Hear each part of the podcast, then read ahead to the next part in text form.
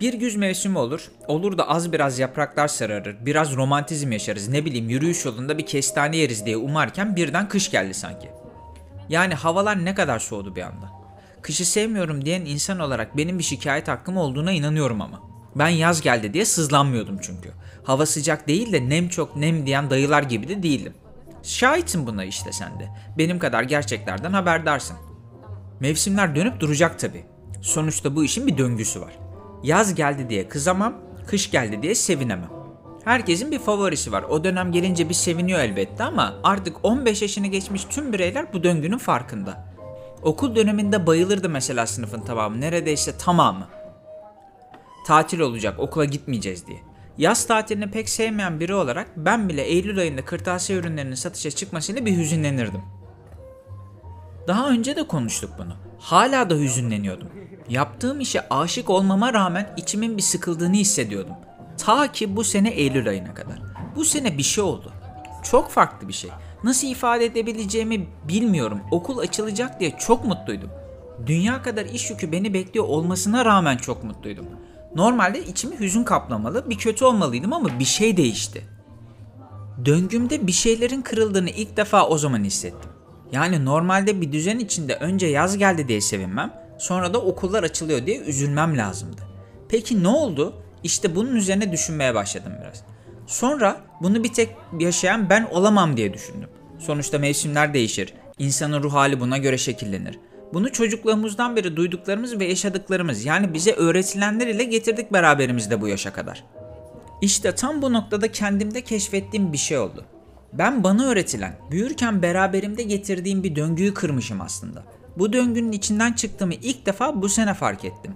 Bir şeyi beraberinde getirmek ile bir şeyi kendinde geliştirmek ne demek?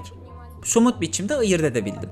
İşkolik bir insan olarak bunun işim ile ilgili bir alanda kendini göstermiş olması çok da şaşırtıcı olmasa gerek. Aslında bunun neden olduğu ile ilgili yaptığım okumalarda ilk kez bana bir aa aslında gerçekten böyle bir şey var dedirten o şeye değişim kanunu diyorlarmış. Ben de çok yeni öğrendiğim bu konuyu bu hafta kendisini toplumun kirli sularında akıntıya bırakmamış bir kişi olmaya çalışan sana anlatmak istiyorum. O zaman bir soruyla başlayalım. Tarih tekerrürden ibaret midir? Yani söylenene göre tarih de bir döngünün içinde. Bu döngünün içerisinde bütün olaylar birbirini tekrarlar. Demeye çalıştığım dedem bir şey yapmıştır. Onu annem ve baban da yapar, sonra sen de yaparsın. Bu değişmez. Çünkü bu yapılan şeyi sen beraberinde getirirsin. Sana bu değişmez, değiştirilmesi teklif dahi edilenemez, sorgulanamaz, üzerinde kafa yorulamaz bir şey gibi öğretilip durulur. Aklına eminim birden fazla örnek gelmiştir. Ama burada özelini paylaşmanı senden istemeyeceğim elbette. Ama nesiller boyu aktarılan bu alışkanlıklarda seni rahatsız eden bir şeyler yok mu? Örneğin senden yapmanı beklenilen bir adet seni neden her daim huzurlu etmiyor?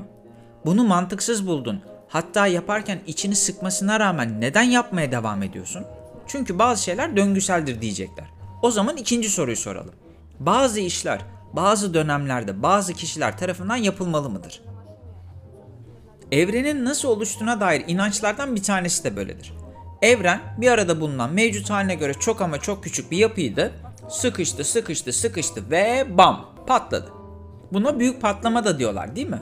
Aslında vermeye çalıştığım örnek büyük patlama ile benzerlikler gösterse de ondan oldukça farklı. Bu patlama sonucunda da evren yavaş yavaş büyümeye başladı.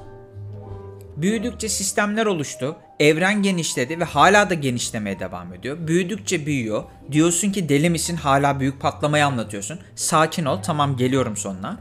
Evren bir noktaya kadar genişleyecek ama tam o noktada yine bir şeyler olacak diyor bu inanç. Ve evren içine doğru hızla çökecek. Yani zamanın sonu. Bilinen tüm yaşamın sonu. E şimdi de kıyameti anlatıyorsun diyebilirsin. İşte zamanın da böyle bir döngü içinde olduğuna inanan bu düşünceye göre evren bunu bir döngü içerisinde sürekli tekrarlayıp duruyor.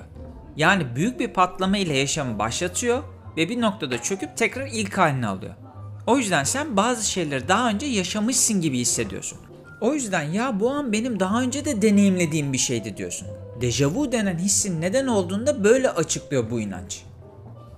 Mantıklı mı? Bence değil. Neden biliyor musun? Çünkü bizim irademizi hiçe sayıyor. Yani ne yaparsak yapalım, ne kadar çalışırsak çalışalım. Ne kadar iyi bir insan olursak olalım hiçbir şey değişmeyecek. O zaman kendimizi toplumun kirli sularındaki akıntıya bırakmak yapılacak en doğru iş değil mi? Eğer evet diyorsan şu an benim karşımda ne işim var? Eğer hayır diyorsan o zaman bunu sana ya da bana söyleten güç ne? Söyleyeyim işte daha önce de bahsettiğim değişim kanunu. Yani tarihte, yaşantımızda, evrenin kendisi de biz izin verdiğimiz ölçüde tekrar edebilir. Burada çok önemli bir detay var. Tarih sen ondan öğrenip kendini geliştirip değiştirene kadar bir döngü içinde kendini tekrarlayacak. Bu yüzden bütün gücümle bağırmak istiyorum ki tarih kendiliğinden tekerrür edemez. Buna müsaade eden sensin. Ama ben tek başıma ne yapabilirim ki? En başından beri sana aslında bunu söylemeye çalışıyorum. Toplumun yolundan seni ayıran da bu soruydu aslında. Sen birey olarak değiştikçe senin döngülerin de kırılacak. Bu da bu muhabbetteki ikinci soruya getirecek bizi. Bazı işler, bazı dönemlerde bazı kişiler tarafından yapılmalı mıdır? Eğer yapılacak iş seni rahatsız ve huzursuz ediyorsa hayır kere hayır. Hiçbir döngüye kendini teslim etmek zorunda değilsin. Hiçbir döngünün bizi hayatımızın belli dönemlerinde huzursuzluğa hapsetmesine müsaade etmek zorunda değiliz.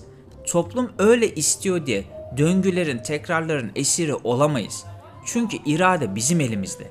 Biz ne yaparsak yapalım boşuna diye bir düşüncenin zihnini ele geçirmesine asla müsaade etmemelisin. Sadece bu yüzden. Elindeki güç içindeki iradeden geliyor. O yüzden bu döngülerin tamamını parçalayabilecek kudrete de sahipsin. Sadece bunu ilk başta göremiyorsun. Ben de göremiyordum. Ta ki bu Eylül ayına kadar. Bana öğretilmiş olan, toplumun bana dayattığı bir gücü kırabildiğimi ilk defa fark ettiğimden bu yana aslında içinde bulunduğum diğer döngülerin varlığını da sorguluyorum. Bunların bazıları o kadar içimize işlemiş durumda ki farkına hemen varamıyorsun. İşte bizim yolumuzu bu kadar değerli kılan da bu. Biz gelişim için, farkındalık için bir mesai harcıyoruz. Bu yüzden de ilerliyoruz. O kirli sulardan çıkıyoruz. Döngüleri parçalıyoruz. İşte önünde bir yol ayrımı daha var. Ya o sulara geri dönersin ya da hayatını bizzat kendi çabanla değiştirirsin. Tercih senin.